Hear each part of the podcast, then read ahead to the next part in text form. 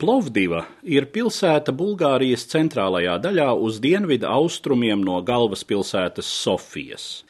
14. gadsimta vidū pilsēta padevās Osmaņu turku armijai un palika turku varā nākamos piecus gadsimtus līdz 1878. gada 16. janvārī to straujā uzbrukumā ieņēma Krievu armija. Turku kundzības laikā Plovdiva uzplauka.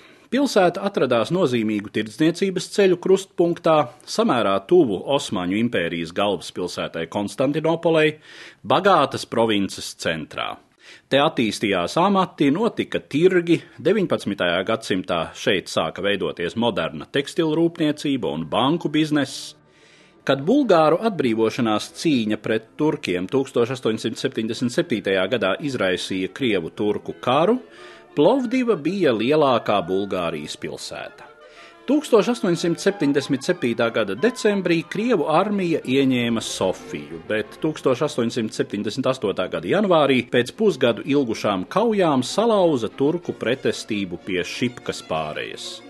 Turki, iepriekšējo neveiksmju stipri demoralizēti, atkāpās uz austrumiem.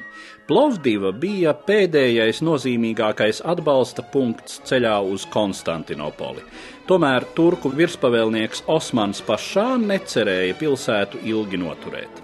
Garnizonam bija dota pavēle sekt galveno spēku atkāpšanos un pēc tam Plovdivu nodedzināt.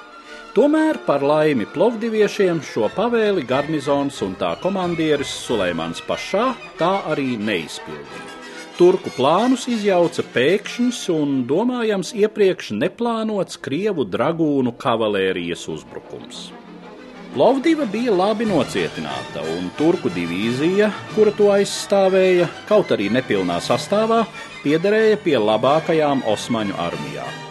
Uzbrukošā Krievu karaspēka komandieris ģenerālis Josifs Gurko, sastapis spēcīgu pretestību, nolēma pilsētu apiet, sagraujot turku flangus un viņus ielēncot. 15. janvāra vakarā pie ģenerāļa ar ziņojumu ieradās dragūnu eskadrona komandieris kapteinis Konstantins Burāgo. Brašais kapteinis ziņoja, ka viņa vīri šķērsojuši Maricas upi, ieņēmuši pozīciju un gatavi rītdienas uzbrukumam. Gaidu turpmākās pavēles, beigās vēl noskaldīja kapteinis. Lieliski, nu tad ieņemiet plovdivu, ar smaidu teica ģenerālis. Tas, saprotams, bija joks. Viens dragūnu eskadrons nekādi nevarēja mēroties spēkiem ar veselu ienaidnieka divīziju. Tā būtu pašnāvība. Ģenerālis Gurko šādi jokodams rēķinājās ar kapteiņa veselo saprātu. Taču viņš nebija apsvēris kapteiņa tā brīža dvēseles stāvokli. Gaisā jau vēdīja tuvās spožās uzvaras priekšnojautas, un tās reibināja dragūnus vairāk nekā aromātiskais bulgāru vīns, bet arī vīns bija, un jo sevišķi tajā vakarā pie Plovdivas. Janvārī arī Bulgārijas centrālajos rajonos temperatūra nereti ir zemāka par nulli. Tā tas bija arī tovakar, un kapteinis Burāgo, Baidīdamies, ka dienas laikā krietni sasvīdušie eskadronas zirgi varētu apaugstēties, lika lietā senu kavalēristu paņēmienu. Viņš pavēlēja padzirdīt lopiņus ar vīnu. Protams, stiprinājās arī paši dragūni, un arī kapteinis nepalika bešā.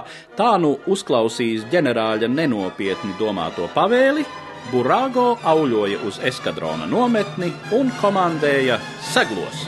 Jau pēc kādas pusstundas ap simtu ierēbušu krievu dragūnu, ierēbušu zirgu mugurā, brāzās pa Plovdivas ielām savu nelielo skaitu kompensēdami ar troksni un ātrumu.